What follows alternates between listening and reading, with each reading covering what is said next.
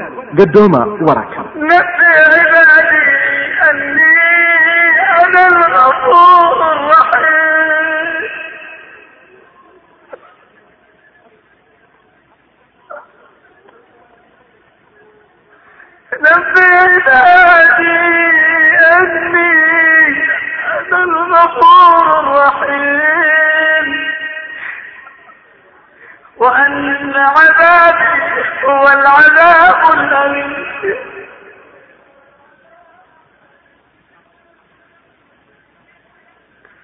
نبي عبادي أني أنا الغفور الرحيم وأن عذابي هو العذاب الأليم ogeysiin maxamedow sala allahu calayhi wasalam addoommadayda inaan run ahaan anigu ahay dhaafi badanaha naxariista badan iyo in cadaabtaydu tahay. Dabtii cadaabta xanuunka badan addoommadii allow waxaa jirta xaqiiqad waajib ah in laga hadlo iyo arrin waajib ah in la waajaho. Arrin waajib ah inaan waajahno innaga oy waajib tahay inuu waajibo muslim iyo gaal kasta. Qof dhow iyo qof dheer casiiz iyo amiir luufluufa iyo wasiir kasta waa xaqiiqada mawdka كل نفس ذائقة الموت كل نفس ذائقة الموت naf walibaa waa tii dhadhamisa geerida waa sidaase mawdku waa albaab uu qof walba uga geli doono nolosha dambe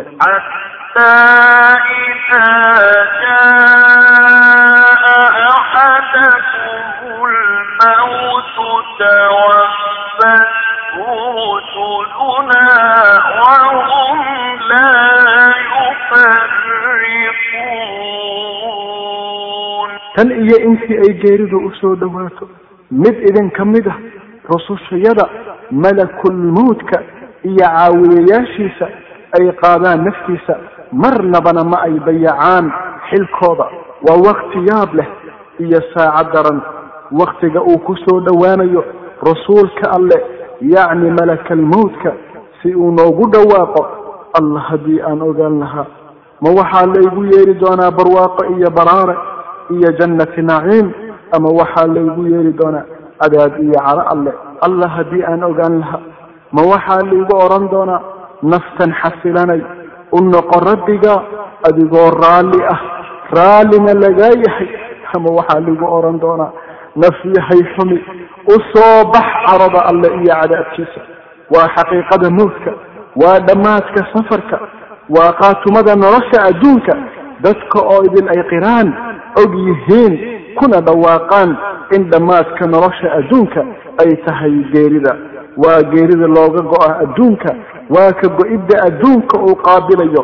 Hor joogsanayana qof yar iyo qof weyn qof dhow iyo qof dheer allah haddii aan ogaan lahaa saacadda waxaan la kulmi doono. Allahayow nala oofso. Oo naga mid yeel alabraar baariyiinta ku hoggaansan. Mawdku waa xaqiiqad weyn waa xaqiiqad khatara waa xaqiiqad ballaaran. Uu la kulmi doono qofka shaqiga ah iyo qofka saciidka ah faqiirka iyo qaniga sharaflaha iyo liitaaga. Mawdku waa xaqiiqad weyn sidaa darteed rasuulkii alle sala allahu calayhi wasalam wuxuu odhan jiray badsada xusida macaangooyaha yacni mawdka allah haddii aan ogaan lahaa khaatimadayda khaatimadee baan la kulmi doonaa maxaynu ku dambayn doonaa intee buu cimrigeenu gaari doonaa dhallinyaronimadana intee in la eg baynu ku jiri doonaa si aynu u gaarno gabowga. Waxaan dhahnaa markaas markii aynu duqowno ayaan toobad keeni doonaa.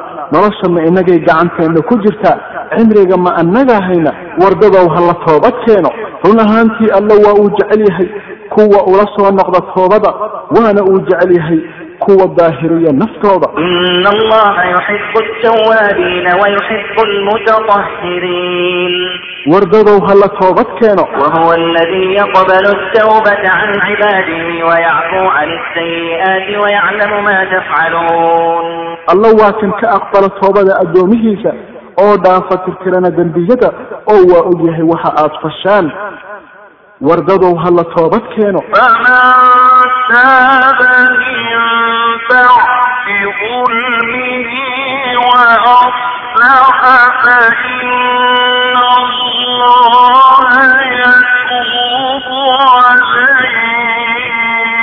Laakiinse kii kastoo toobad keena dembigiisa kadib oo falaaca mallo wanaagsan oo suuban isagoo adeecahaya allah markaa xaqiiqdii allo waa cafin doonaa oo aqbali toobadiisa xaqiiqdii alle waa dembi dhaaf badane naxariis badan wardadow hala toobad keeno والله يريد أن يتوب عليكم ويريد الذين يتبعون الشهوات أن تميلوا ميلا عظيما wuxuu alle rabaa inuu aqbalo toobadiina laakiinse kuwa raaca hawooyinkooda waxay rabaan inaad idinku mu'miniintooy ka weecataan weecasho weyn jidka toosan wardadow hala toobad keeno يا أيها الذين آمنوا توبوا إلى الله توبة نصوحا kuwa xaqa rumeeyow u toobad keena allah toobadsan wardadow hala toobad keeno قل يا عبادي الذين أسرفوا على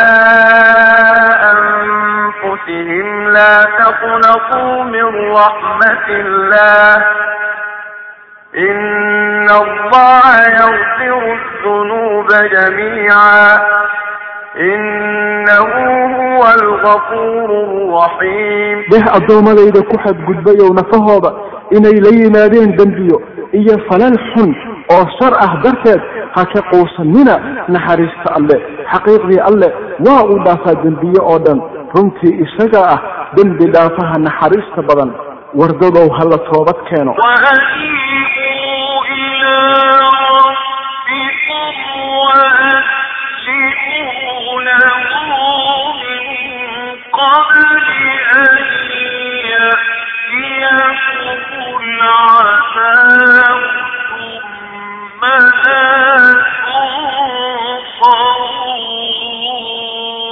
ujeesada idinkoo toobadkeen ah hoggaansan oo leh iimaan dhaba aad ku qabtaan tawxiidka islaamka xagga rabbigiin oo isugu dhiiba isaga islaam ahaan.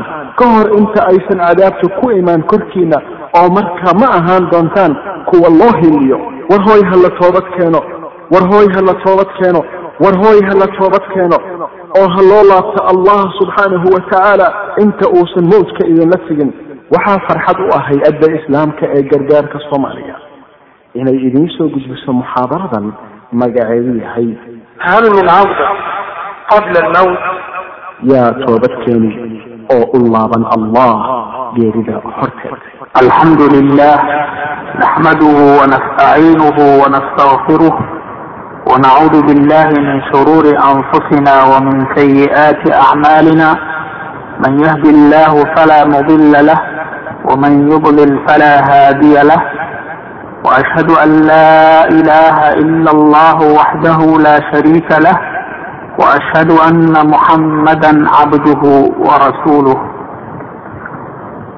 intaa kadib walaalahayda islaamka ah u mawduuca aan ka hadli doono hadduu ilaahay idmo waxa weeye ha ilaawin mustaqbalkaaga mustaqbalka. Waxaan ula jeednaa mustaqbalka aakhiro oo ah mustaqbal aada iyo aada khatar u ah oo haddii uu xumaado aan dib loo hagaajin karaynin maxaa yeelay adduunyadii waa laga tegay dibna loogu soo noqon maayo oo camalkii la hagaajin maayo.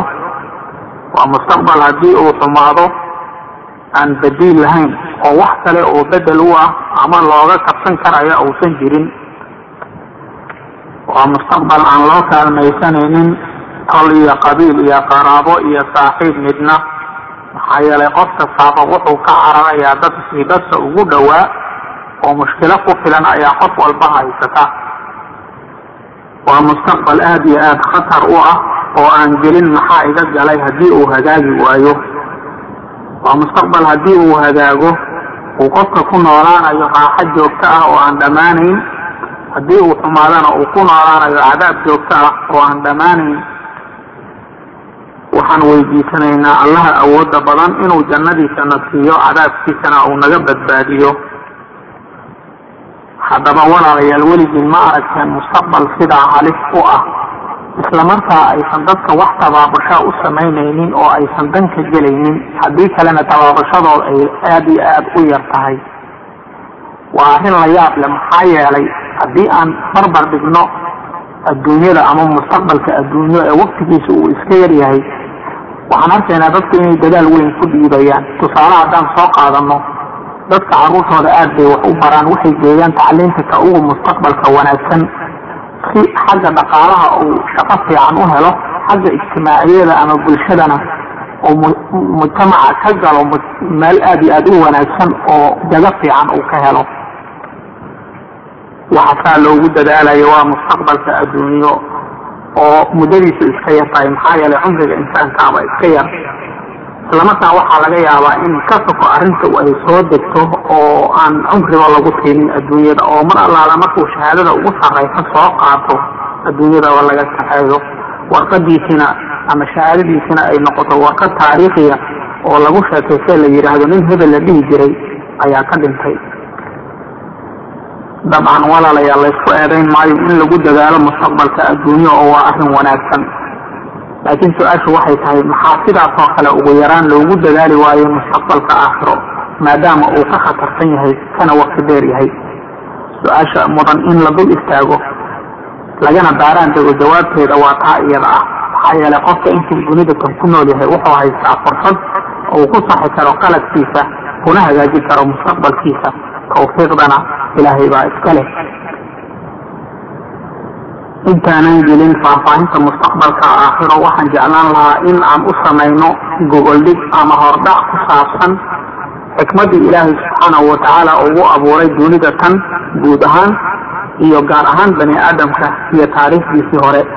Maxaa yeelay waxaa isku xiran insaanka mustaqbalkiisa iyo taariikhdiisii hore iyo jiritaankiisa adduunyada tan uu ku nool yahay ilaahay subxaanahu watacaala isagoo nooga waramaya xikmadii ugu abuuray samaawaadka iyo ardooyinka oo dhan wuxuu yidhi acuudu billahi min ashayطaani alrajiim wma khalaqna asamaawaati waalarda wma baynahuma laacibiin ma khalaqnaahuma ila bilxaqi walaakina aktarahum laa yaclamuun dhulka iyo cirka iyo waxa u dhaxeeya uma aanan abuurin ciyaar sidaas uu ilaahay leeyahay subxaanahu watacaala macnihiina waxa weeye dhulka iyo cirka uma aanan abuurin in ay nolosha ku koobnaato halkaa keliya qof walibana wuxuu doona uu iska sameeyo oo ay noloshu halkaa ku idlaato laakiin waxaan u abuurnay in sharciga ilaahay lagu socdo inta dunida lagu nool yahay markii laga dhintaana qof waliba wuxuu adduunyada ku sameeyey laga abaalmariyo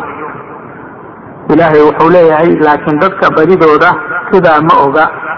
Oo macnaha dadka intooda badan waa gaalo oo ma aaminsana in qubuuraha la iska soo saarayo noloshaanina ay ka dambayso nolol kale oo lagu xisaabayo qof kastaaba wixii uu dunida tan ku sameeyey.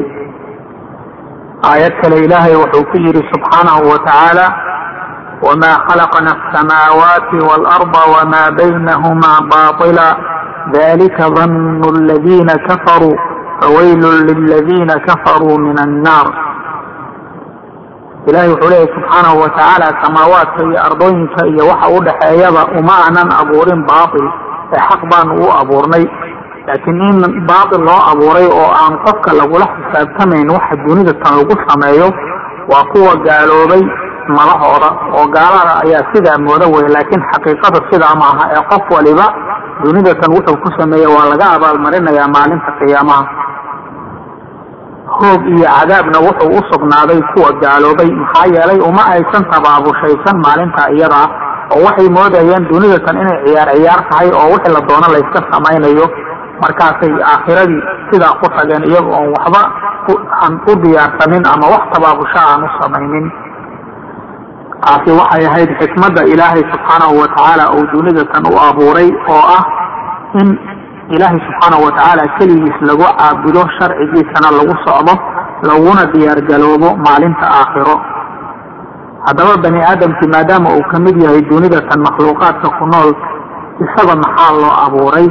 Ilaahay ayaa nooga xog waramaya taa iyadaa wuxuuna leeyahay subxaanahu watacaala wma khalaqtu ljina walinsa ila liyacbuduun ma uriidu minhm min rizqi wma uriidu an yuطcimuun ina allaha huwa arazaqu du lquwati lmatiin jinniga iyo insiga waxaan u abuuray oo keliya inay keligaya caabudaan wax kale uma aanan abuurin kana dooni maayo inay iquudiyaan ama addoommahayga ay quudiyaan aniga ayaa quudin ugu filan iyo risqi laakiin waxaan u abuuray inay keliga i caabudaan sharcigaydana ay u hoggaansamaan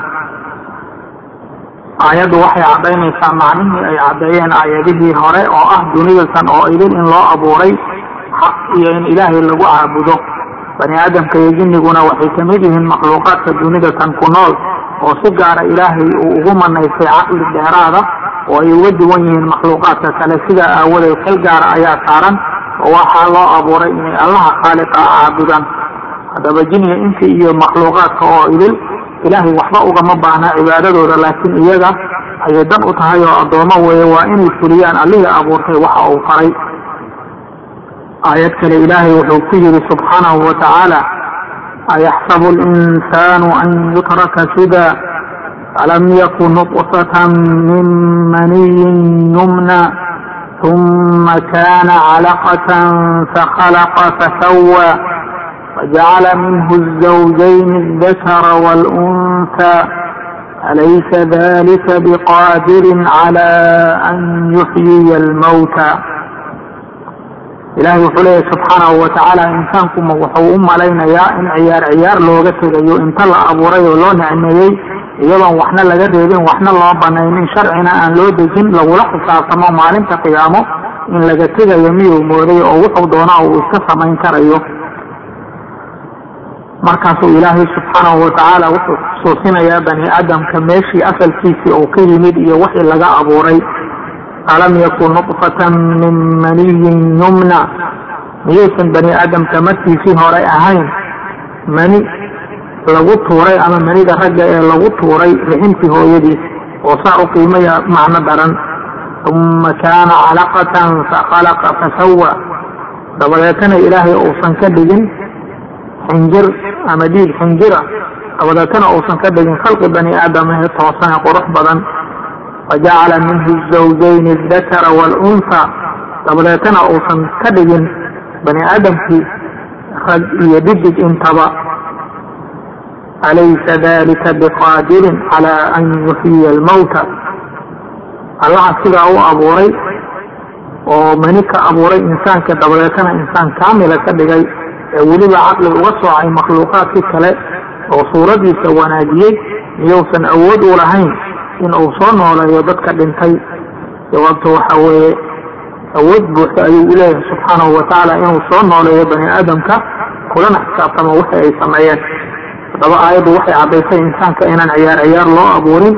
Inta la abuurayna aan faraha laga qaadaynin ee lagula xisaabtamaya wax allaala wuxuu sameeyey maxaa yeelay waa insaan isagoon jirin la abuuray loo nicmeeyey oo muxua si walba loo taakuleeyey dabeetana lagu farad yeelay shay sahlan oon waxba aan ku kalifaynin oo si sahlan uu u gudan karayo rabbigiisana uu ku raali gelin karayo mustaqbal wanaagsanna uu ku diyaarsan karayo hadduu ilaahay waafajiyo taasi waxay ahayd bani aadamka iyo xikmaddii ilaahay uu u abuuray subxaanahu wa tacaala oo ah inay alla keligiisa caabudaan dunidatana ku camiraan cadaalad iyo xaq iyo sharcigiisa inay ku socdaan mustaqbalkoodana ay ku diyaariyaan dunidatan haddaba insaanka asalkiisii ayaan dib ugu laabanaynaa ilaahay baa nooga xog warramaya meesha uu ka yimi insaanka iyo abuuristiisii hore. Ilaahay wuxuu leeyahay subxaanahu wa waid qaala rabuka lilmalaa'ikati inii jaacilun fi lardi khaliifa qaluu atajcalu fiiha man yufsidu fiiha wayasfiku dima'a wanaxnu nusabixu bixamdika wanuqadisu lak qaala inii aclamu ma laa taclamuun qisada abuurista aabahayna aadam iyo hooyadeen xawa aad iyo aad bay u dheertahay ku dheeraan mayno waan dul maraynaa oo keliya ilaahay subxaanahu wa tacaala wuxuu malaa'igtiisa ku yidhi markii uu abuuraya bani aadamka waxaan abuurayaa ama dhulka aan ku abuurayaa makhluuq bani aadam la yidhaahdo oo ardada ilaahay camiro u hara oo khaliifo ka noqda. Markaasay malaa'igtii waxay ku yidhahdeen ilaahay ma waxaad dhulka dushiisa ku abuuraysaa makhluuq dhiig daadiya oo muxuu ahayd wax ku laaya dhulka.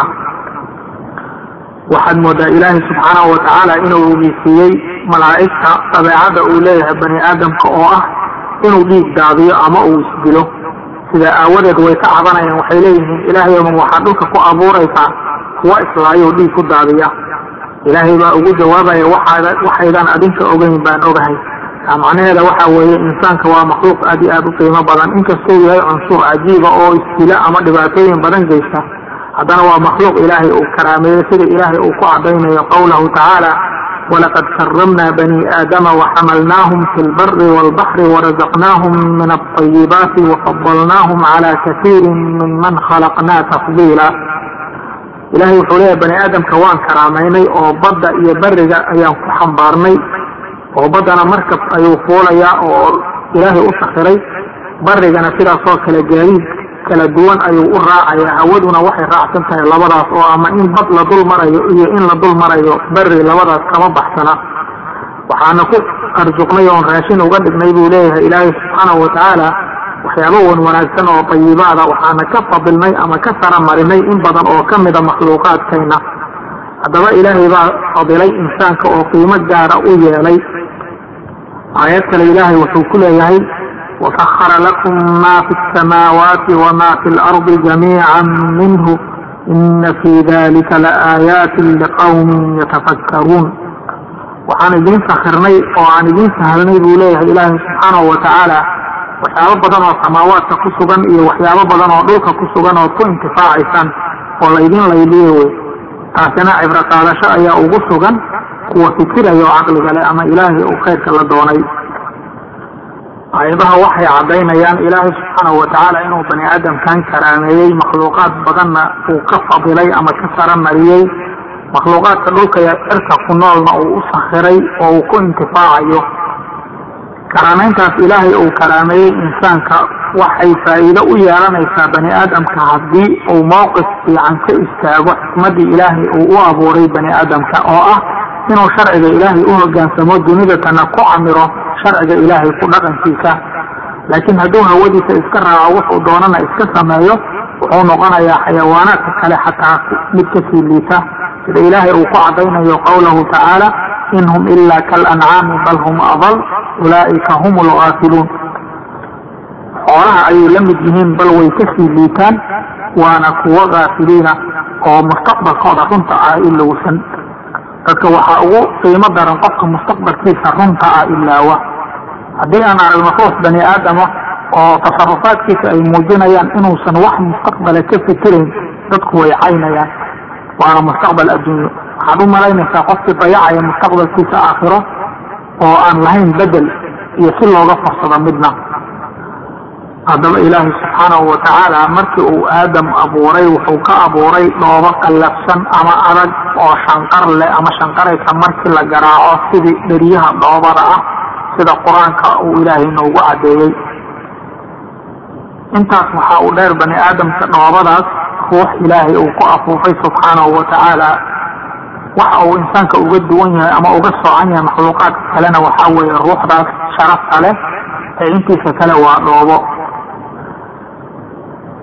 bani aadamka qaybtiisa dhoobada ah ayaa laga yaabaa in wax uun laga garto ama macluumaadka ilaa iyo hadda laga hayo bani aadamka. Waxaa weeye dhinaca dhoobada ayuu u badan yahay caafimaadkiisa jiradiisa iyo wixii la xiriira laakiin dhinaca la xiriira ruuxda waxaa weeye macluumaadka laga hayo mid aad iyo aad u yar maxaa yeele waa arrin qarsoon oo ilaahay subxaanahu watacaala keliya uu ku cilmi leeyahay haddaba ilaahay subxaanahu watacaala markii uu aadam dhoobo ka abuuray dabadeetana uu ruux ku afuufay wuxuu amray malaa'igtiisa inay u sujuudaan aadam.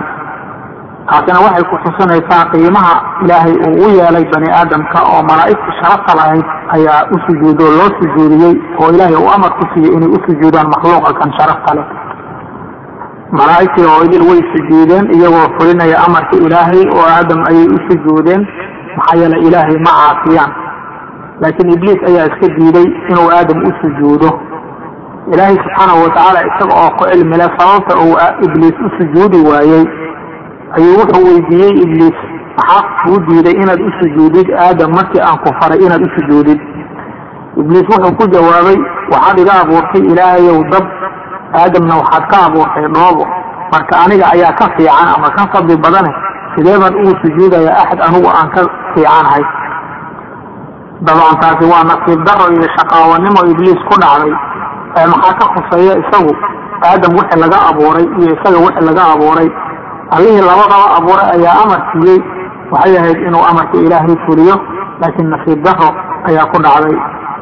Ibliis malaa'igta kama mid ahayn ee wuxuu ahaa jinni ayaa laga ayuu ka mid yahay ama waa nooc jinniga ka mid ah sida ilaahay uu aayad ku cadeeyey kaana min aljinni fafasaqa can amri rabbi.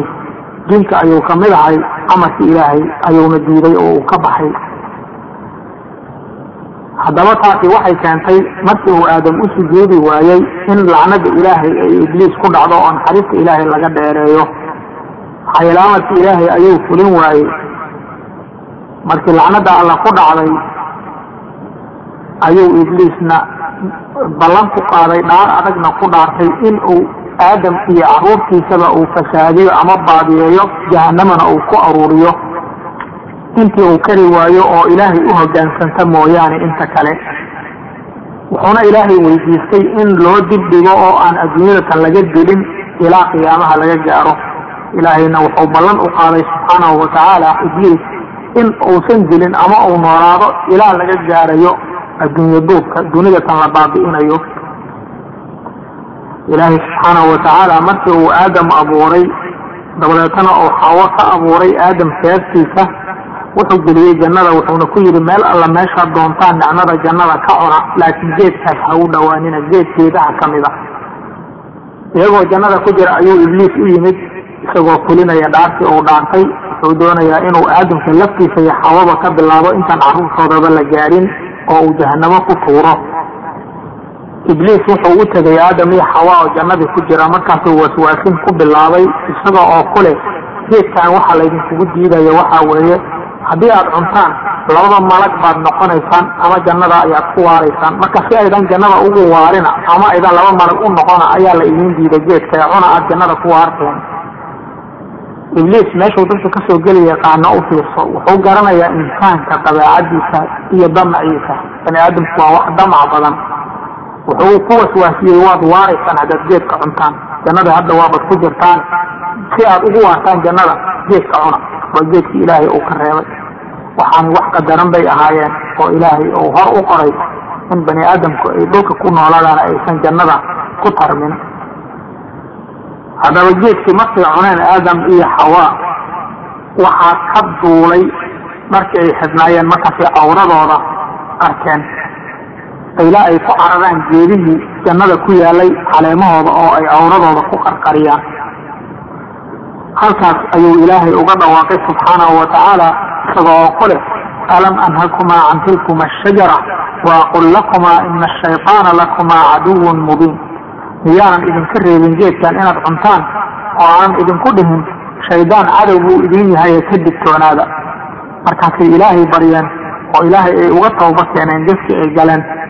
Qaala rabbanaa dalamnaa anfusana wain lam takfir lana watarxamna lanakunanna min alkhaasiriin ilaahay ou nafsadeenna ayaan dulminay oo geedkii aad naga reebtay oo aan cunay baan ku aasinay oo nafsadayna aan ku dulminay haddaadan ilaahay ou noo dembi dhaafin oodan noo naxariisan dhaalimiinta ayaan ka mid noqonay sidaasay ilaahay u baryeen ilaahay baana ka tawba aqbalay laakiin jannadii waa laga soo saaray oo dhulka ayaa la soo dejiyey.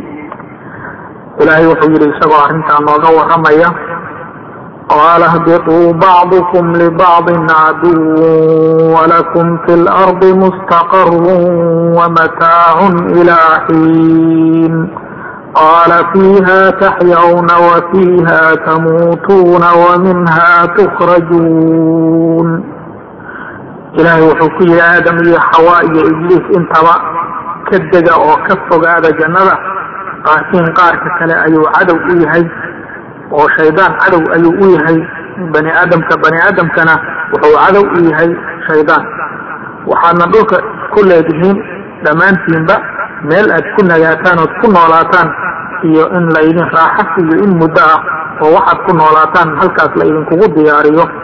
Inta cumrigiina laga gaarayo ood ka dhimanaysaan ama qiyaamaha laga gaarayo. Ilaahay wuxuu yidhi subxaanahu watacaala ardada dhexdeeda ama ardada dusheeda ayaad ku noolaanaysaan iyada dusheeda ayaadna ku dhimanaysaan iyada ayaana la idinka soo saarayaa maalinta qiyaamaha ardada dusheeda ayaa waxaa ka bilowday dagaal joogto ah oo ka dhexeeya bani aadamka iyo shaydaan. Waxaadna qiyaasi kartaa cidda dagaalkaas ku guulaysatay markaad eegto dadka intooda badan. Waxa weeye gaalo mar walba. Taasi waxay tusinaysaa shaydaan inuu guul weyn ka gaaray arrintii uu ku dhaartay oo ah inuu bani aadamka baadiyeeyo jahanamana ku ururiyo sida isaga uu naarta u gelayo inuu iyagana halkaa ku aruuriyo hase yeeshee waxaa jira dad mu'miniina oo uu kari waayey ibliis. Horna uu u sheegay inuusan kari karaynin. Lauwiyannahum ajmaciina ilaa cibaadaka minhum lmukhlasiin ilaahay ow dhammaantood waan baadiyeynayaa addoommahaaga mukhlasiinta oo cibaadada kuu khaalis yeelaya. Ama aad mu'miniin ka dhigtood khaalis yeeshay mooyaane inta kale waan luminayaa ayuu yidhi.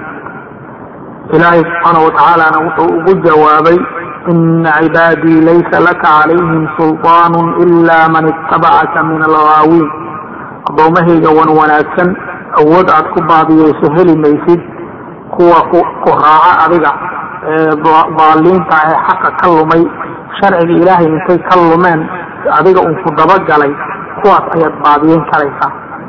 Waa kuwa sharciga ilaahay intay ka leexdeen jidka xaqa ay ka bayray laakiin kuwa sharciga ilaahay uu hor yaallo ilaahay muxuu iga reebay muxuuse isaray ku xisaabtamaya shaydaan lumin kari maayo xataa haddii uu qalab yar ka dhaco way xusuusanayaan ilaahaygay u laabanayaan oo ilaahay bay dembdaaf weydiisanayaan waanay u tooba keenayaan ilaahayna wuu ka masaxayaa dembigii ilaahay wuxuu mu'miniinta ku ammaanay markii uu shaydaan waswaasiyo inay xaqa u laabtaan mar walba ina aladiina اtaqw ida masahum طaa'if min الshayطaani tadakaruu faida hum mubsiruun kuwa alla ka baqa waxa weeye ama mu'miniinta waxa weeye kuwa markii uu shaydaan waswaasiyo ama uu xaqa ka leexiyo ama isku dayo inuu xaqa ka bayriyo xusuustaan arrinta meeshay u socoto iyo ibliis inuu weerar ku soo qaaday oo uu doonayo inuu mustaqbalkooda ku ciyaaro.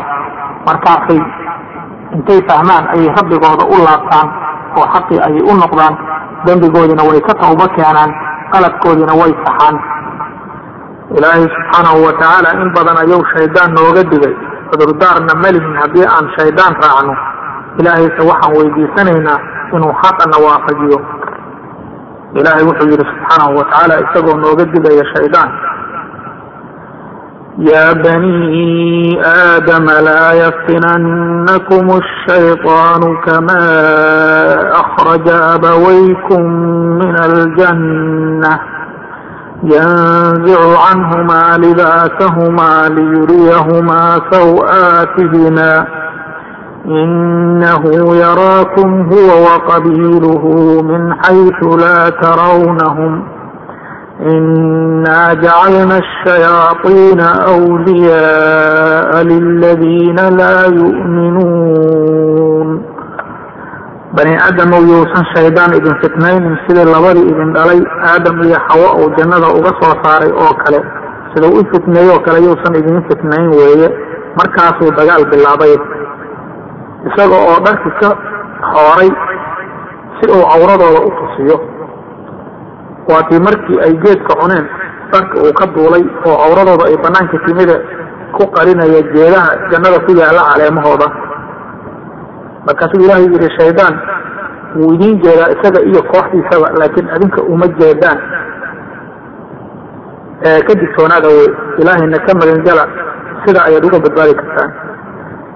Markaasuu ilaahay leeyahay shayaadiinta waxaan awliye uga dhignay ama la xiriirinay kuwa gaalada. Ah iyaga ayay ku sallidan yihiin oo meeshay doonaan ay u jahaystaan ama u kaxaystaan laakiin dadka mu'miniinta waxaa lagu yaqaanaa inay ilaahay u noqdaan had iyo goor ilaahayna ka magangalaan shaydaan kuwa gaalada ah shayaadiinta lagu salliday ama lagu diray ama awliyada looga dhigay markay faaxisho ama shay munkaroo macsiyo ay sameeyaan waxay yidhaahdaan aabbayowgeyn ayaan ka soo gaarna iyagoo sidaas samaynaya ilaahayna sidaas uuna faray markaasuu ilaahay wuxuu ku leeyahay nabigiisa moxameda calayhi salaatu wasalaam waxaad ugu jawaabtaa ku tiraahdaa ilaahay shay macsiya ama fakshiya ama xun ma faro addoomihiisa.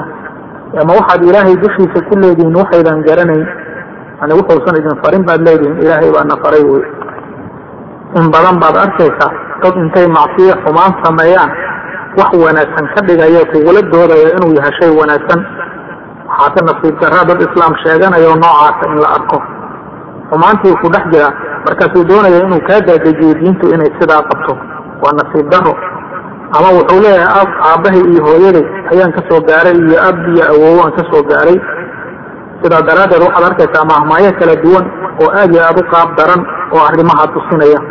Waxaad maqlaysaa nin tolkii kama janno tago. Macnaha tolka oo dhan ay naarta isku guraan isaguna waa inuu ka dabagala laakiin ma khilaafi karayo. Yani waa hidaha dhaqan dadka raaca wey.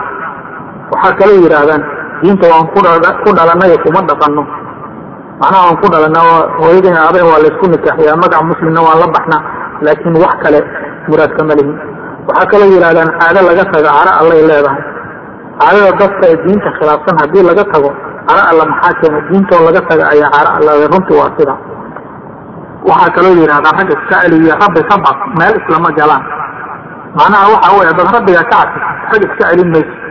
Haddaad ragga iska celisana rabbi kamaadan baqin oo naaraad gashay. Waa mantiq aad iyo aad sakiif u ah runtii. Qofka hadduu madluum yahay inuu istifaaco xaq bu leeyahay el mushkila maxaa keena dhibaatadaas oo idilba? Waxaa dhici kartaa inaad rabbigaa ka baqdid raggana iska celisid laakiin mahmaada sida loola jeedo runtii sidaa ma ah ee waxaa wey inaad rabbina ka baqdid ragna dulmisid isku heli maysid. Waa runtaasi sidaasay sax ku tahay. Laakiin iska celi baa la leeyahay iska celisaa laga dhigaya iska celis maaha ee waa rag dulminkii iyo weerarkiisa mahmaaduna waxay tusinaysaa in dadku ay wax isaga qaldan yihiin oo aanay waxbaba u kala socnayn guud ahaan maamaahyada aynu soo sheegnay marka la isu geeyo waxay tusinayaan mujtamaca sida uu diinta uga fog yahay. Maxaa yeelay suugaanta guud ahaan iyo maamaada gaar ahaan waxay tusinayaan mujtamaca xaaladiisa sida ay tahay. Markaan dib saa ugu noqono ayadihii iyo waxyaabihii aan ka soo hadalnay waxaan arkaynaa aadam iyo xawa jannadii laga soo saaray oo dhulka la dejiyey shaydaan ibliis iyo duriyadiisii ama faraciisii oo iyaguna dhulka kula nool bani aadamkii habeeniya maalin ka shaqaynaya siday u baadiyin lahaayeen. Marka bani aadamkii wuxuu u dhaxeeyaa in uu ilaahay subxaanahu watacaala amarkiisa maqlo uu sharcigiisa ku socdo iyo inuu maqlo shaydaan amarkiisa iyo taladiisa iyo waswaasintiisa oo uu qar ka dhaco sida aawadeed halka waxaa ku eg insaanka asalkiisii iyo abuuristiisii hore iyo cadowtinimadii isaga shaydaan meeshay ka soo bilaabatay. Haddana waxaan gelaynaa hadduu alla idmo noloshii adduunyada dhexdeeda iyo bani aadamka sida uu ku yahay dunida tan. Iyo xaaladda dagaal ee joogtada ah ee ka dhexaysa bani aadam iyo shaydaan intii dunida ay ku wada nool yihiin sidaan hor u soo sheegnay insaanka looma abuurin ciyaar ciyaar ee waxaa loo abuuray inay allaha waaxidkaahi abuurtay keligiisa caabudaan. Taas macnaheeda waxa weeye allihii abuurtay faraha kama uusan qaadin markuu dunida tan ku beeray ee sharci ayuu u soo dejiyey rasulbuu u soo diray kutubbuu u soo dejiyey xalaashay xaaraantu kala tusay mustaqbalkooda adduunye iyo kooda aakhiro wixii uu dana ayuu baray indhaha ayuu u furay wax walbana waa uu u sakiray isla marcaantaas wuxuu baray shaydaan oo cadowgooda ah dhulkana kula nool siday uga badbaadi lahaayeen oo ay ilaahay uga magangeli lahaayeen. Ilaahi subxaana watacaala markii uu aadam iyo xawa jannada ka soo saaray ibliis oo cadowgooda ahna uu dunida soo dejiyey ama dhulka uu la soo dejiyey ayuu ilaahay wuxuu la hadlay aadam iyo xawa iyo wax alla wixii ka farci doona ilaa qiyaamaha laga gaaro. Ilaahi subxaanahu watacaala markuu aadam iyo xawa jannada ka saaray ee dhulka uu soo dejiyey shaydaan oo cadowgooda ahna uu dhulka la soo dejiyey ayuu ilaahay wuxuu la hadlay bani aadamka oo idil ilaa qiyaamaha laga gaaro ilaahay wuxuu yihi subxaanahu watacaala فإما يأتينكم مني هدى فمن اتبع هداي فلا يضل ولا يشقى ومن أعرض عن ذكري فإن له معيشة ضنكا ونحشره يوم القيامة أعمى قال رب لم حشرتني أعمى وقد كنت بصيرا قال كذلك أتتك آياتنا فنسيتها وكذلك اليوم تنسى bani aadamow haddii xaggayga uu hanuun idinkaga yimaado ruuxii hanuunkaygaas raaca ma baadiyoobayo nasiib daro ama dhul darrana kuma dhacayso. Macnihii waxaa weeye ciddii sharcigayga raacda adduunyada ku baadiyoobi mayso oo waa qof la hanuuniyey oo waddadii saxda ahayd ku taagan oo umuuraheeda oo idin ay hagaagsan yihiin oo qof baadiya ma aha. Aakhirana dhurdarro kuma dhacayso. Shaqinimada waa ka aakhiro marka adduunyo iyo aakhiro wanaagsan ayuu helayaa baa ka cad meesha. Macnihii waxaa weeye cidda sharciga ilaahay u hoggaansanta waxay leedahay nolol adduunyo iyo nolol aakhiro oo wanaagsan waana ballanqaad ilaahay oo aan baaqanaynin laakiin ciddii u hoggaansami weysa ilaahay baa nooga warramaya xaaladeeda. Ilaahay wuxuu yidhi qofkii ka jeesta dikrigayga diintayda qur'aankayga wuxuu leeyahay maciisho ciriiriya nolol ciriiriya ayuu adduunyada ku leeyahay. Aakhirana isagoo indhala ayaa la soo saarayaa markaasuu leeyahay ilaahayow maxaad ii soo saartay anigoo indhala? Adduunyada intaan joogay indhaan lahaaye markaasuu ilaahay ugu jawaabayaa subxaanahu watacaala aayaadkayga qur'aanka ayaa kuu yimid diintayda ayaa kuu timid. Markaasaad is-ilowsiisay ama aada ilowday ood meel ka soo qaadi waysay sidaa aawadeed maanta ayaa lagu ilaawayaa adigana sidaad u ilowday diintayda shalayto ama adduunyada intii la joogay. Sidaasoo kale ayaana ku abaalmarinaa cid kastoo xadgudubta oo sharciga ilaahay ku soco weysa diinta ilaahayna rumayn weysa iyo aayaadka ilaahay cadaabka aakhiro ayaana ka sii daran cadaabka adduunyo kana baaqi ahaansho badan oo isagu xad ma laha qofkii naar gala waa uu ku waaraya hadduu yahay qof gaala culimada qaarkood waxay ku fasireen nolosha ciriiriga ah ee aayadda lagu sheegay inay tahay qabriga oo lagu cadaabo qofka oo inta laysku dhejiyo ayay feerihiisa isdhaafayaan oo qabrigaa lagu cadaabaya. Culimada qaarkoodna waxay leeyihiin waa adduunyada dhexdeeda oo nolosha adduunye ayaa ciriiri laga dhigaya oo waxay noqonaysaa nolol aan raaxo lahayn. Haddaba haddaan isweydiino gaalada qaarkood dhaqaalahooda wuu fiican yahay sidee bay noqonaysaa marka nolosha ciriiriga ah oo ilaahay oo uu ballan qaaday ciddii sharcigiisa ku socon weysa jawaabta waxaa weeye ilaahay ma uusan dhihin ciddii sharciga ilaahay ku socon weysa dhaqaalo ma hesho. Ee wuxuu yidhi nolol ciriiriya ayuu leeyahay. Haddaba noloshuna ma aha oo keliya dhinaca dhaqaalaha ee waxaa jira waxyaabo badan oo lagama maarmaana si nolosha ay u noqoto mid raaxa leh waxaan ogsoonahay ama aan hor u soo sheegnay bani aadamku inuu ka kooban yahay laba cunsur ama laba shay. Waa dhoobo ama ciid iyo ruux. Dhinacii dhoobada ahaa waxaa laga yaabaa inay ladan yihiin oo dhaqaalo ay haystaan. Dhabta waxay rabto caloosha dherji kan yeel xagga mar waxaad doonta samey fuxshi iyo macaasi oo idil dhexgal u raaxay jismiga waa laga yaaba laakiin dhinacii kale muhiimka ahaa qaybtii ugu muhiimsaneyd insaanka waxyaabaha uu ka samaysan yahay oo ahayd ruuxdii ayaan waxba fara ku hayn oo dayacan sidaa aawadeed waxaad arkaysaa qofkii isaga oo ladana wax walba haysta ayuu waxoogaa yar dhib yaraa ku dhacaya markaasuu isdilaya gebigiisaba adduunyada dhanba yuu iska kaxaynaya. Waa arrin la yaab marka waxaad garatay noloshooda inay ciriiri tahay xaqiiqo weeye waxaana dareemaya qofkii aad iyo aada ugu kuurgala nolosha gaalada ay ku nool yihiin meel kastoo ay joogaanba haddaba meesha waxaa ka cad. Bani aadamka dunida tan ku nool inay laba qaybood yihiin qayb hawadooda iyo nafsadooda iska raaceen iyo qayb ilaahay sharcigiisa u hoggaansameen qayb hawadooda raacay oo diin ka dhigtay hawadooda iyo nafsadooda waxa ay jeceshahay oo helay wixii ilaahay uu ballan qaaday oo ah nolol adduunye oo ciriiriya iyo cadaab aakhiro. Iyo qayb mu'miniin oo sharciga ilaahay u hoggaansamay oo helay wixii ilaahay uu ballan qaaday oo ah nolol wanaagsan ee adduunyo iyo janno aakhiro labadaas qaybood ayaynay dadkii marna ka baxaynin. Inta dunida lagu nool yahayna dadku sidaa ayay u qaybsanaan doonaan. Waxaase muhiima in loo baraarugsanaado inaysan arrintu ahayn yaa islaam sheegta laakiin ay tahay arrintu islaamka yaa aaminsan kuna camal fala maxaa yeele sheegasho keligeed lagu gaari maayo ballanqaadkii ilaahay subxaanahu watacaala uu ballan qaaday haddaba haddaan u soo kacno waaqica nololeed ama xaalada nolosha maanta dunida ka jirta waxaan arkaynaa gaaladu inay muslimiinta iskala cilmi badan yihiin iskala horumar badan yihiin iskala heer sarreeyaan. Sidee baan ufasiraynaa gaaladu inay nolol ciriiriya ku jirto. Miyaanan isweydiin karin muslimiinta ayaa ku nool nolol ciriiriya maanta. Arrintaas waxa weeye arrin jawaabteedu ay sahlan tahay. Waa marka ugu horeysay horta muslimiinta ayaa sharcigoodii ka tegay oo diintoodii aan ku dhaqmin waagii ay diintooda ku dhaqmayeen iyaga ayaa caalamka hogaaminaya taariikhduna sidaa waa ay qortay waan ogsoonahay marka iyagu muslimiinta magaci keliya u soo haray adduunyo iyo aakhiro wanaagsan midna u damaano qaadi mayso sheegasho islaam la sheegto laakiin ku camalfalka aaway waa arrin isweydiin leh.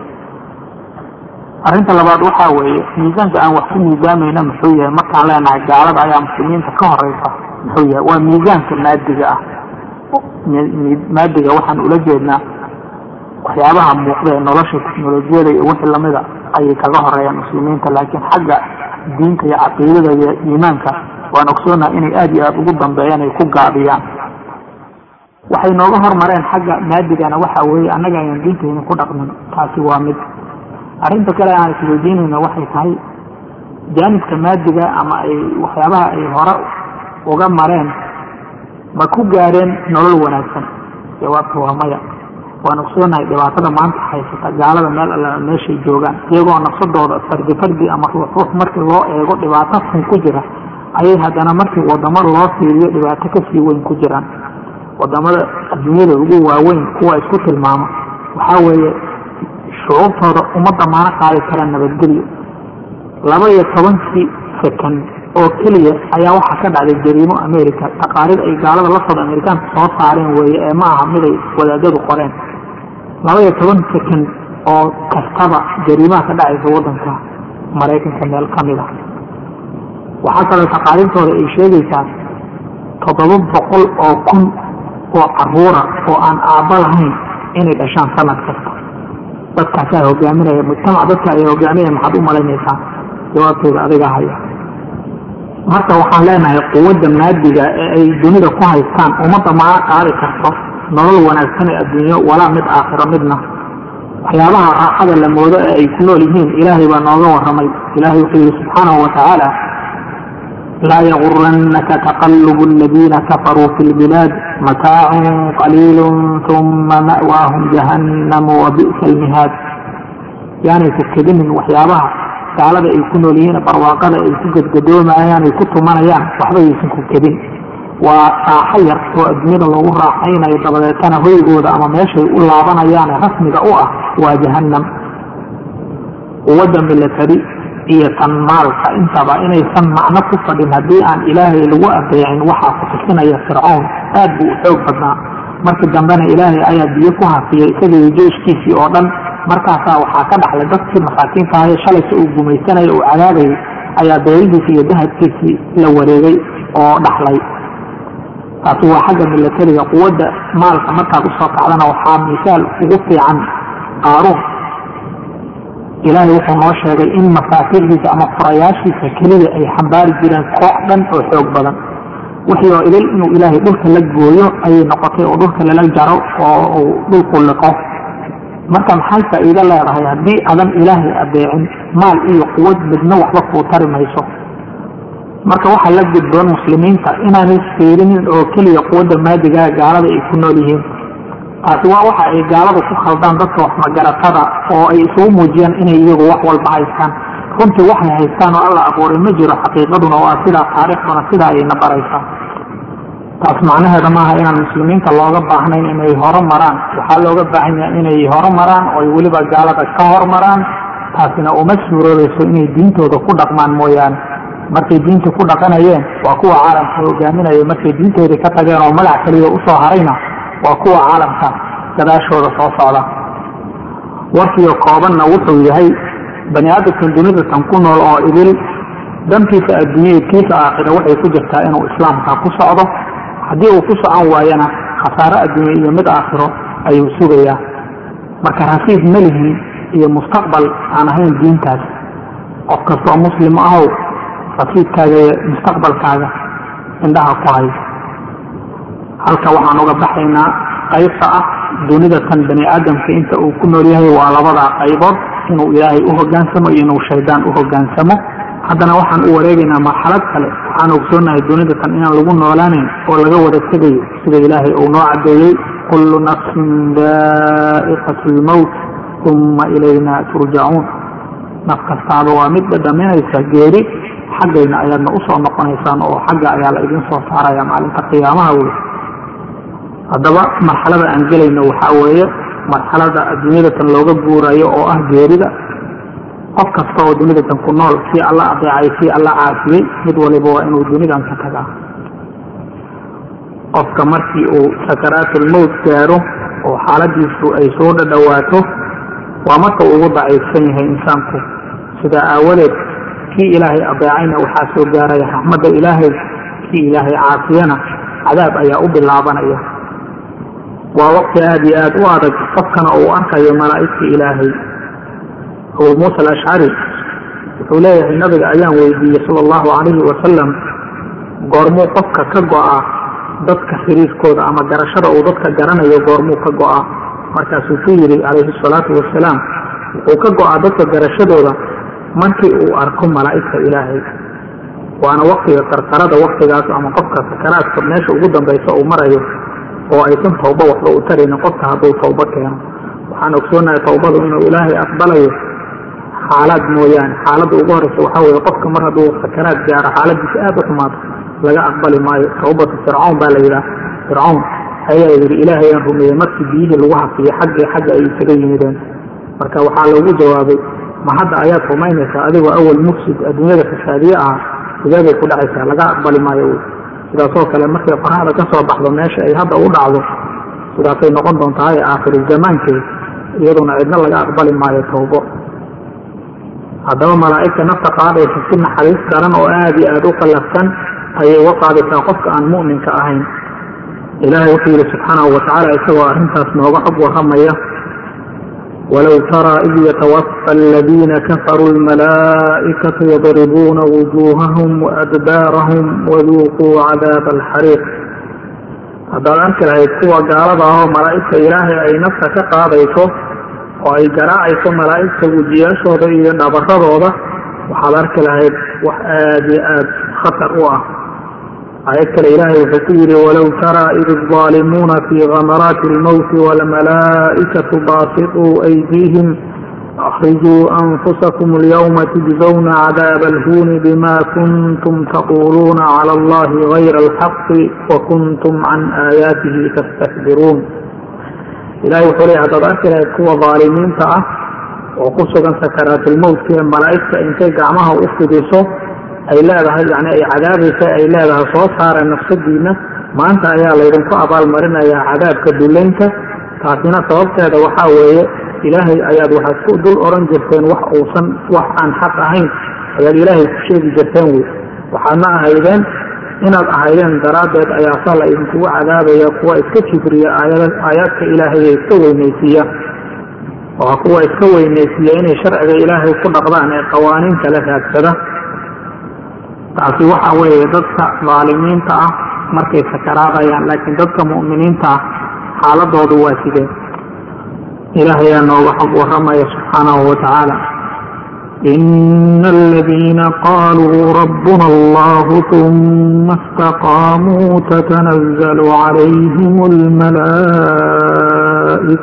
ألا تخافوا ولا تحزنوا ألا تخافوا ولا تحزنوا وأبشروا بالجنة التي كنتم توعدون نحن أوليائكم في الحياة الدنيا وفي الآخرة ولكم فيها ما تشتهي أنفسكم ولكم فيها ما تدعون نزلا من غفور رحيم kuwa yidhaahdeen sabigayna waa dabadeetana ku toosnaaday sharciga ilaahay. Waa kuwa mu'miniinta ah oo laga helay iimaan iyo camal saalixa waxaa ku soo degaya malaa'igta ilaahay. Culimadu waxay ku fasireen inay tahay markay sakaraadayaan malaa'igta ilaahay oo ku soo degaysa markaasay ku leedahay sidatan ha baqina oo mustaqbalkiina ha ka baqina. Hana murgina oo ha tiiraanyoonina waxay idin soo dhaafay. Ha ka tiiraanyoonina kuna bishaaraysta jannada ilaahay jannadaasoo intaad adduunyada joogteen la idin yaboohi jiray ama ilaahay oo idin ballan qaaday haddaad sharcigiisa ku socotaan. Malaa'igtii ayaa hadalka sii wadato waxay leedahay annaga ayaa adduunyada intaad joogteen owliyadiina ahayn annaga ayaa maaragtay idin toosi jirnay oo ilaahay inoo kiin wakaasho weeye inaan xaqa iyo wanaagga idin tusno oo aan idin garab qabanno wey aakhirana sidaas oo kale annaga ayaa weli idin ah. Waxaadna leedihiin jannada dhexdeeda ku leedihiin wax allaala wixii ay nasibiina jeclaato iyo wax allaala waxaad u yeerataan. Taasina waa abaalmarin ama waa martiqaad uu idin fidinayo allaha dembi dhaafka badan oo naxariista badan. Isaga ayaad maanta marti u tihiin wey maxaa ka wanaagsan soo dhoweynta noocaas? Ilaahay aan weydiisanay fadligiisa iyo naxariistiisa. Waxaad heli kartaa inaad isbarbar dhigtid soo dhoweyntaas qiimaha badan ee ay mu'miniinta la kulmayaan iyo kuwii gaalada ahaa dhibaatadii ay la kulmayeen. Malaa'igta ayaa cadaabaysa oo gacmaha u fidinaysay markaasay lahayd soo saara nafsadiina maanta ayaa la idinku abaalmarinayaaye cadaabka duleynta farqi weyn baa u dhexeeya labada kooxood. Layaabka male oo farqigaas wuxuu ka dhashay farqigii u dhexeeyey intay adduunyada joogeen dad allihii abuurtay ee u nimceeyey adeecayay u hogaansamay sharcigiisa. Qawaaniin kale aan dibadaha u raadsanin wax allaale wixii mustaqbalkooda dhaawacaya ka fogaaday. Wax alle wixii mustaqbalkooda dhisayana indhaha ku hayay. Isweydiiyey ilaahay muxuu ii abuuray muxuu i faray muxuuse iga reebay. Ku dhaqaaqay oo dadaal dheeraada ku bixiyey siday allihii abuurtay u adeeci lahaayeen sharcigiisana ugu socon lahaayeen iyagoo sidaasana adduunyada ka tegay ama ka dhintay iyo dad hawadooda iyo nafsadooda waxay jeceshahay iska raacay ama gaalo raacay ama gaalaba ahaa. Laakiin aan isweydiin ilaahay muxuu ii abuuray muxuuse iga reebay muxuuse i faray?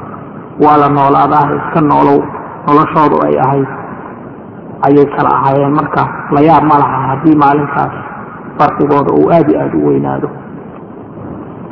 Haddaba qofkii dhintay adduunyo ka teg wax allaala wixii hantiya uu ku lahaana halkaasuu uga tegay wax allaala wixii sharaf iyo magac uu ku lahaana halkaa ayuu uga dhaqaaqay.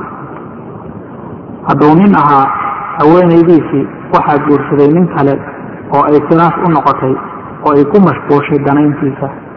Hadday naag ahaydna ninkeedii naag kale ayuu ka raadsaday halkaa ayuuna ku ilaaway calaaqadii wanaagsanayda ka dhaxaysay waxba way tari weysay hadday markii hore jirtayna qofkii markuu dhintay qabriga la geeyey maalmaha ugu horreeya xoogaa la dareemaa kadibna waa layska ilaawaa. Oo waxaad moodaa waxaan dhicin oo kale. Haddii uu adduunyada maal uga tegay waa laga dhaxlay oo dad kalaa ku raaxaysta. Waxaa laga yaabaa wax kaleba iska daayeen inaysan dhihin ilaahay ou hebel u naxariiso. Waxaa ka soo gaaray xoolihiisii oo keliya in maalinta aakhiro kumi kumi iyo taana taana loo weydiiyo. Xaggeed ka kasatay xaggeedse ku bixisay. Laakiin maanta waxba kama sii qaadan oo qabriga keligiis ayaa loo qaaday. Adduunyay gurigaaba macno darana. Mar allaala markii la hubsaday inay nafta ka dhacday waxaa lagu dadaalayaa sida qabriga loo geyn lahaa oo laysaga fogeyn lahaa si uusan u qormin. Yaa sidaa yeelaya dadkii dadka ugu dhowaa marxaladaas waa laga baxay naftii way ka baxday. Waxay noqonaysaa in qabrigiisa loo qaado.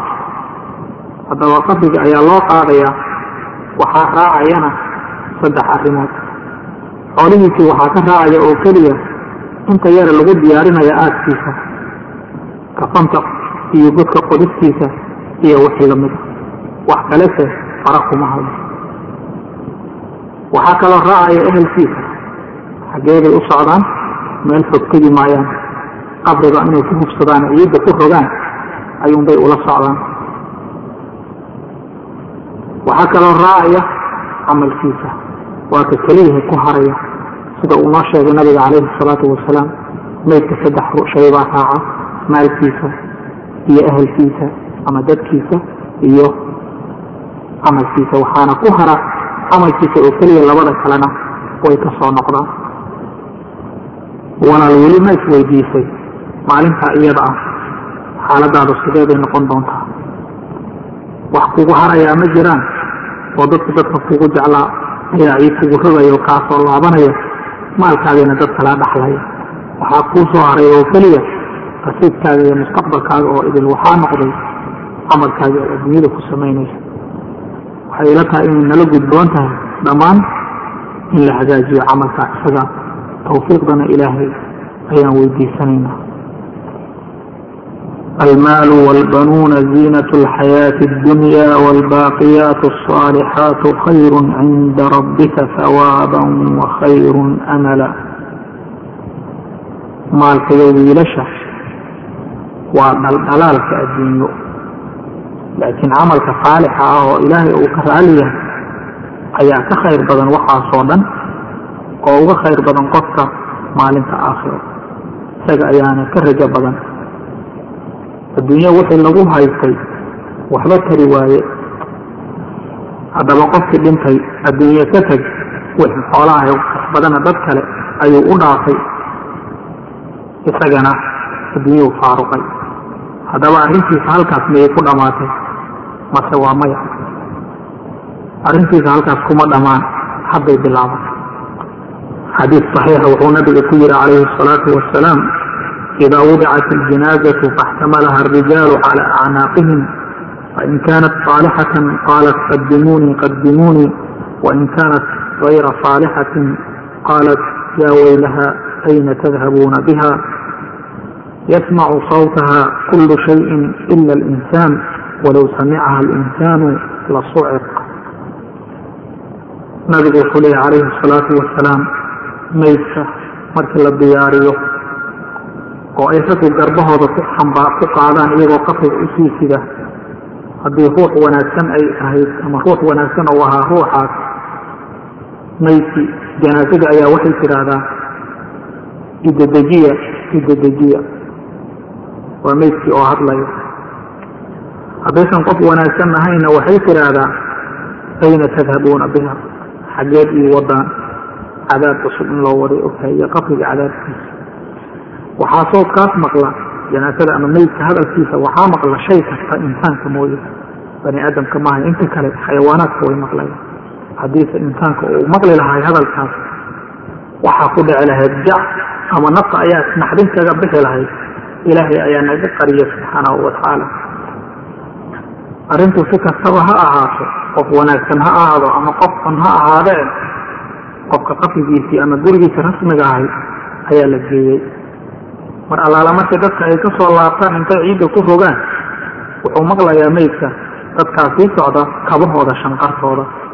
Xadiis saxiixa ayuu nabigu ku sheegay calayhi salaatu wasalaam arrintaa iyada ah wuxuuna yidhi alcabdu idaa wudica fii qabrihi watuwulliya wadahaba asxaabuhu xataa inahu layasmacu qarca nicaalihim ataahu malakaani faaqcadaahu fayaquulaani lah ma kunta taqulu fi hada arajul mar allaala marka qofka qabrigiisa la seexiyo oo laga tago asxaabtiisu ay ka tagaan intay ciidda ku rogaan isagoo weli maqlaya kabahooda shanqartooda ayaa waxaa u imaanaya laba malag markaasay fariisinayaan soo fariisinayaan. Marka waa fahamtay neef naftii ayaa lagu soo celiyey. Fayaquulaani lahu waxay ku leeyihiin maa kunta taqulu fi hada arajul ninka kan laguu soo diray waa nabi moxamed calayhi salaatu wasalaam mowqifkeebaad ka istaagtay. Maxaad ka oran jirta wey ninkan isaga.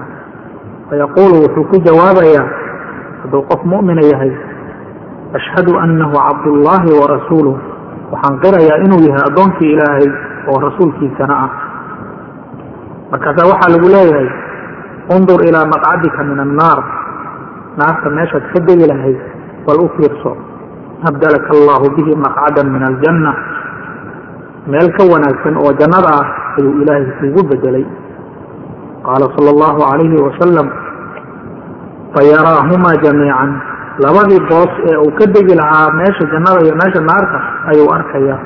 Macnaha waxaa weeye qof kastaaba wuxuu naarta ku leeyahay meel jannadana meeluu ku leeyahay.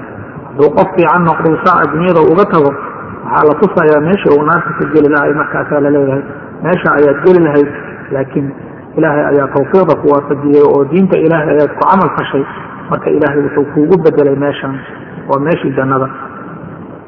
Nabigu wuxuu yihi calayhi asalaatu wasalaam وأما الكافر والمنافق فيقول لا أدري كنت أقول ما يقول الناس فيقال لا بريت ولا تليت ثم يضرب بمطرقة من حديد ضربة بين أذنيه فيصيح صيحة يسمعها من يليه إلا الثقلين وحيد النبي عليه الصلاة والسلام قال كي منافق لبضب markii la su'aalo nabiga xaggiisa la yidhahdo ninkaani mowqifka ka istaagteen muxuu ahaa mase garanaysaan? Waxay ku jawaabayaan war uma hayno war uma hayuu leeyahay. Waxaan ahay waxaan oran jiray dadku waxay yidhaahdaan baan dhihi jiray. Yani wax kaloon ka garanaya maleba dadka hadalkooda dadkaan iska raaci jiray. Markaasaa lagu leeyahay waa run waxaad ka ogeyda ma laha. Oo war umaadan haynin wey muraad danna kama aadan gelin dabadeed waxaa lagu garaacayaa buris bir ah ayaa labada dhegood dhexdooda lagaga dhufanaya markaasuu qaylinayaa qaylo ay maqlayaan makhluuqaadka oo dhan jinka iyo insiga mooyaane. Ilaahay baa ka qariya labadaas laakiin makhluuqaadka kale way maqlayaan xayawaanaadka xataa waa ay maqlayaan. Saxiix muslimka waxaa kaloo ku sugan in nabiga calayhi salaatu wasalaam isagoo saaran baqashiisa baqashii ay booday ay xoori gaartay nabiga calayhi salaatu wasalaam markii sidaa loo eegaba waxaa la arkay dhowr qabri oo meesha ku taala nabigana wuxuu weydiiyey dadkii la joogay asxaabtiisa ahaa yaa garanaya dadka ku aasan qubuurtan nin baa wuxuu yidhi anigaa garanaya. Nabigu wuxuu yidhi goormay dhinteen. Ninkiibaa wuxuu ku yidhi waxay dhinteen waktigii shirkiga ama inta aan lagu soo bixin adiga calayhi salaatu wasalaam. Markaasuu wuxuu yidhi ummaddakan waxaa lagu cadaabayaa qubuurteeda dhexdeeda waa ummadda nabi maxamed calayhi salaatu wasalaam haddii aanan ka baqaynu yidhi falowlaa anlaa tadaafanuu ladacawtu allaha an yusmicakum min cadaabi alqabri aladii asmac haddaanan ka baqaynin inaad is-aati weysaan ilaahay aan baryi lahaa inuu idin maqashiiyo cadaabka qabriga dadka la cadaabaya sawdkooda. Laakiin waxaan ka baqayaa inaad isjuubi weysaan wey is-aati weysaan macnaha cabsi aad ka cabsanaysaan cadaabkaas amaba aad xamili weysaan naftaba idinka baxdo haddaad maqashaan nabiga calayhi salaatu wasalaam maalin maalmaha ka mida wuxuu soo maray laba qabri. Markaasuu yidhi labadoodaba waa la cadaabayaa waxweynna loo cadaabi maayo. Yacni wax la sahlanay iyagu markay samaynayeen baa sabab u noqday in qabriga lagu cadaabo. Midkood wuxuu yidhi kaadida ayuusan iska zuuli jirin ama iskama hubi jirin kaadida ka kalena dadka ayuu isku diri jiray oo diradiro ayuu dadka la dhex socon jiray. Waa laba arrimoodoo la fawdaysto laakiin waxay sabab u noqdaan arrimahaas cadaabka qabriga ilaahay naga nageeye waxaa kaloo axaadiista nabiga ku cad calayhi salaatu wasalaam in qofka mu'minka godka loo waasicinayo loona istiiminayo jannada albaabkeedana loo furayo oo raaxo ayuu ku jira waxaana wehel u noqonaya camalkiisa wanaagsan oo qurux badan oo udeyg badan. Qofka aan mu'minka ahayna waxaa wehel waa camalkiisa xun oo ah mid fool xun oo qurun badan. Godkana cirid ayaa looga dhigaya oo feerihiisa ayaa isdhaafaya mugdina waa looga dhigaya albaabka naartana waa loo furaya ilaa qiyaamaha laga gaaro ilaahay cadaabkiisa hanaga koriyo. Allahuma ina nacuudu bika min cadaabi jahanama wamin cadaabi alqabri wamin fitnati almaxyaa walmamaati wamin fitnati almasiixi addajaal wsala allahu calaa nabiyina muxamadi wacala aalihi wasaxbihi wasalam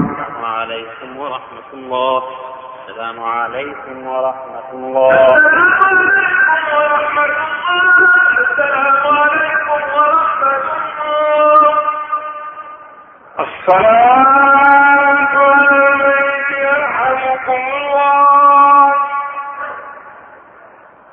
الله أكبر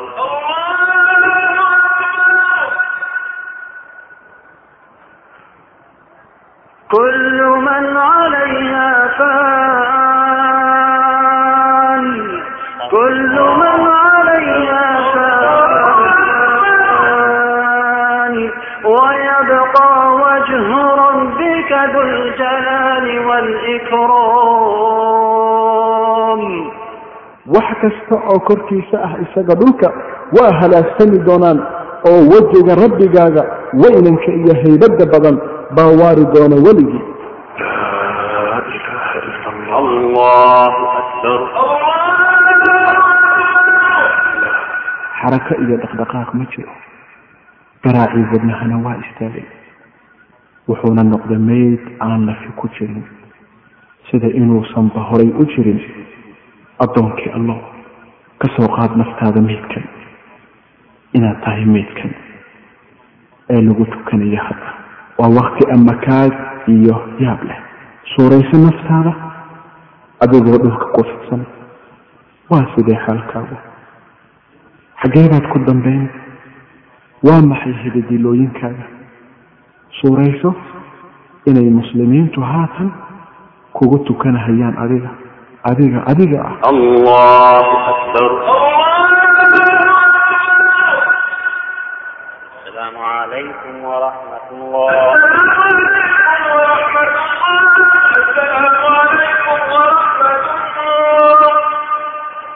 waxayna ku tukadeen muslimiinta janaasadii waxayna ku qaadeen garbaha إن كانت صالحة قالت قدموني قدموني وإن كانت غير ذلك قالت يا ويلها أين تذهبون بها يا ويلها أين تذهبون بها قبل ما ماشي ده ماشي عيد بقى لغربي ومال قربة أبور بقى كسوي أردت لفه بلالي وحالو سدا قبورها rugta ugu horeysa ee rugaha aakhirada mise mar keliya buu qofku wuxuu u geli daaryaab leh oo ama kaag iyo irkid badan laa ilaaha ila allah mar keliya buu is arkay isagoo daar kale ku sugan oo xaqaa'iqdii loo sheegayay wax kala kuli فإذا جاءت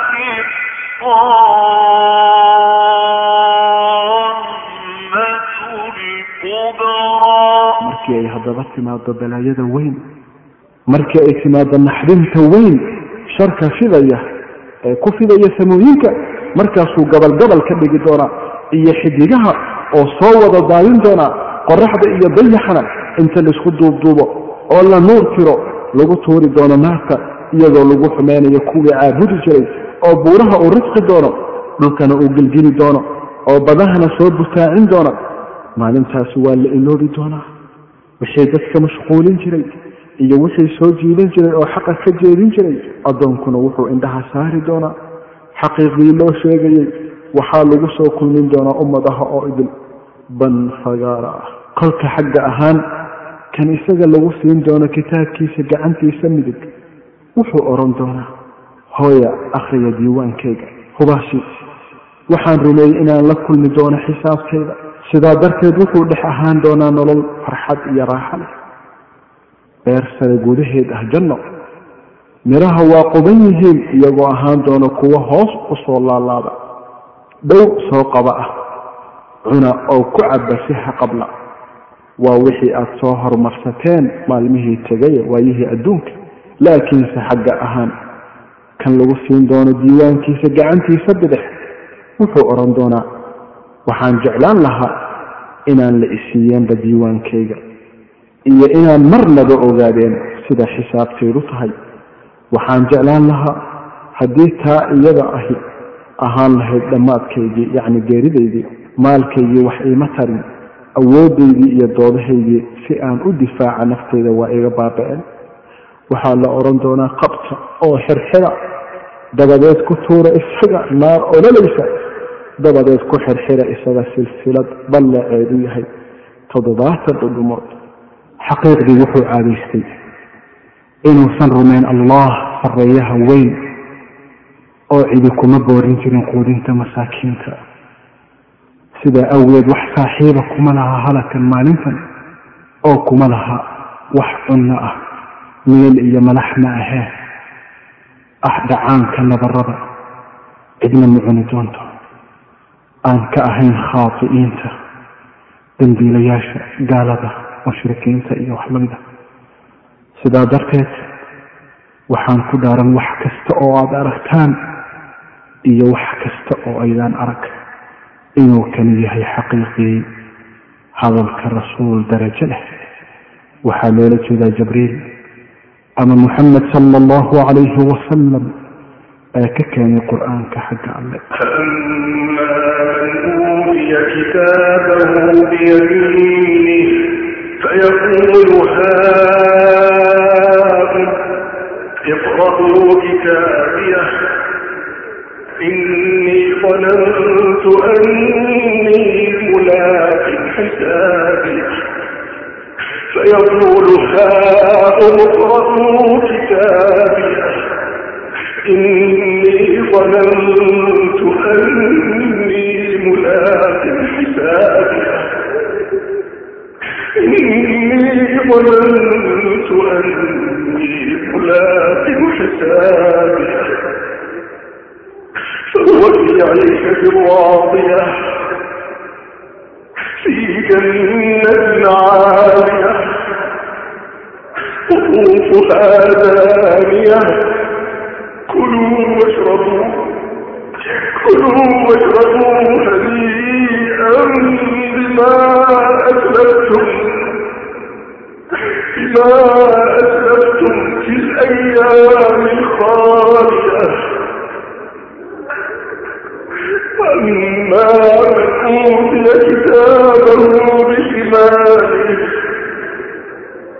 وأما من أوتي كتابه بشماله فيقول يا ليتني ملموت كتابيا لم أبلغ حبابيا كانت القاضية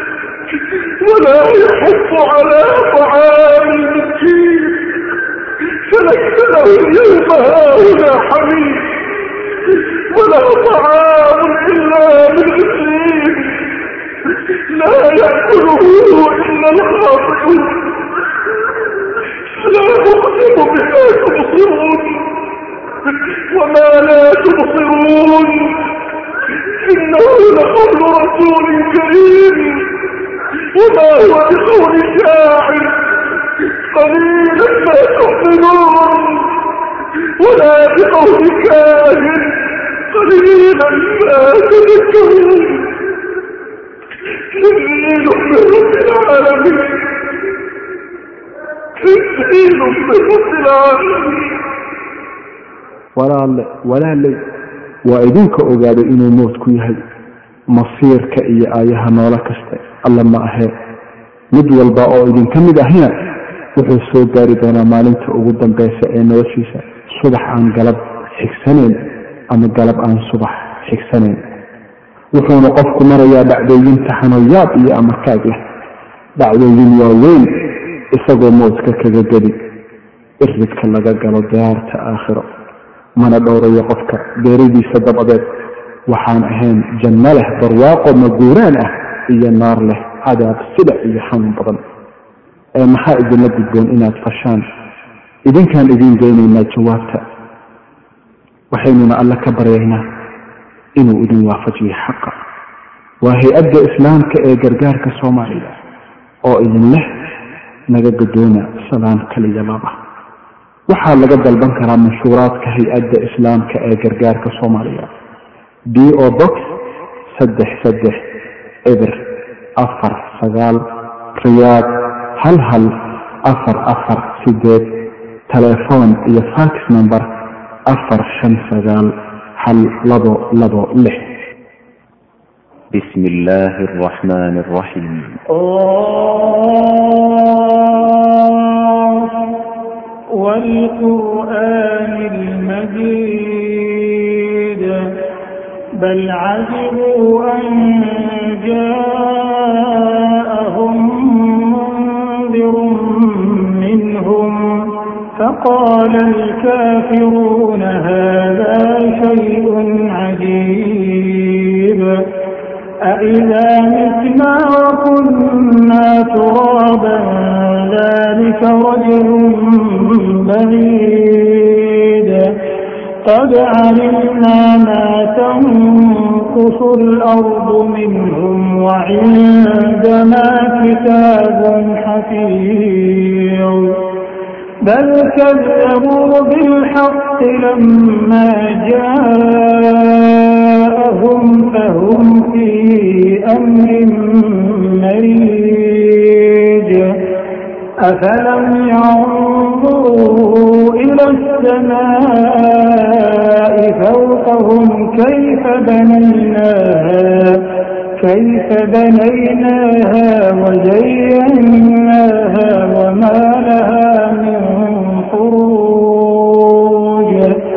والأرض مددناها وألقينا فيها رواسي وألقينا فيها رواسي وأنبتنا فيها من كل زوج بهيج تبصرة وذكرى لكل عبد منيب ونزلنا من السماء ماء مباركا مباركا فأنبتنا به جنات وحب الحصيد والنخل باسقات لها طل نضيد رزقا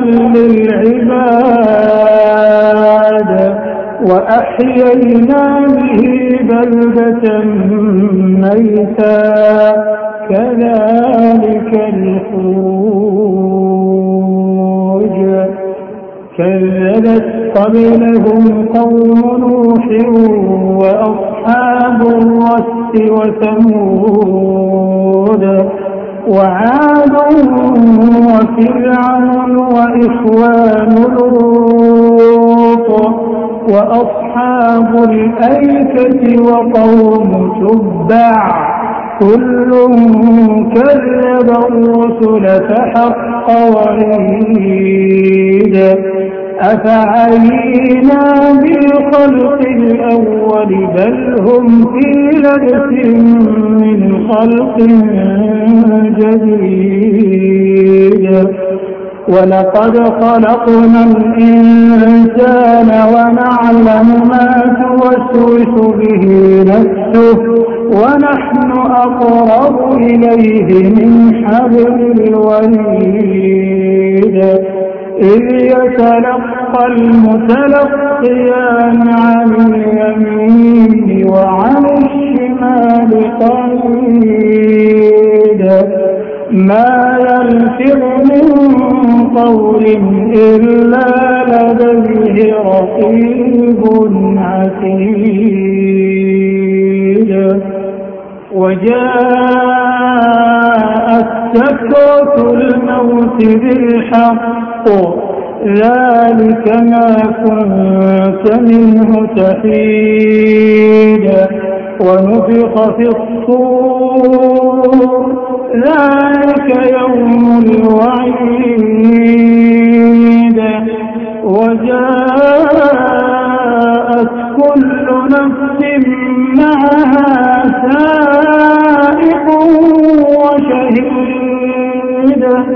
لقد كنت في غفلة من هذا فكشفنا عنك غطاءك فبصرك اليوم حديد وقال قرينه هذا ما لدي عتيد ألقيا في جهنم كل كف جبار عنيد مناع للخير معتد مريب الذي جعل مع الله إلها آخر فألقياه في العذاب الشديد قال قرينه ربنا ما أطغيته ولكن كان في ضلال بعيد قال لا تختصموا لدي وقد قدمت إليكم بالوعيد ما يبدل القول لدي وما أنا بغير حلام للعبيد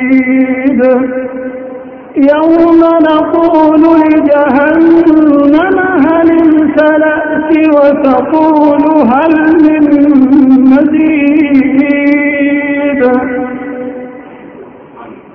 وأزلفت الجنة للمتقين غير بعيد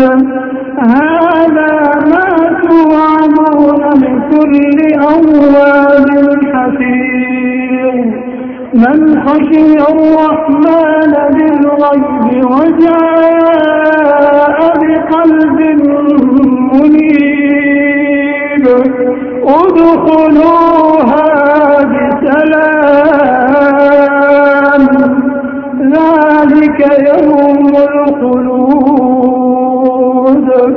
لهم ما يشاءون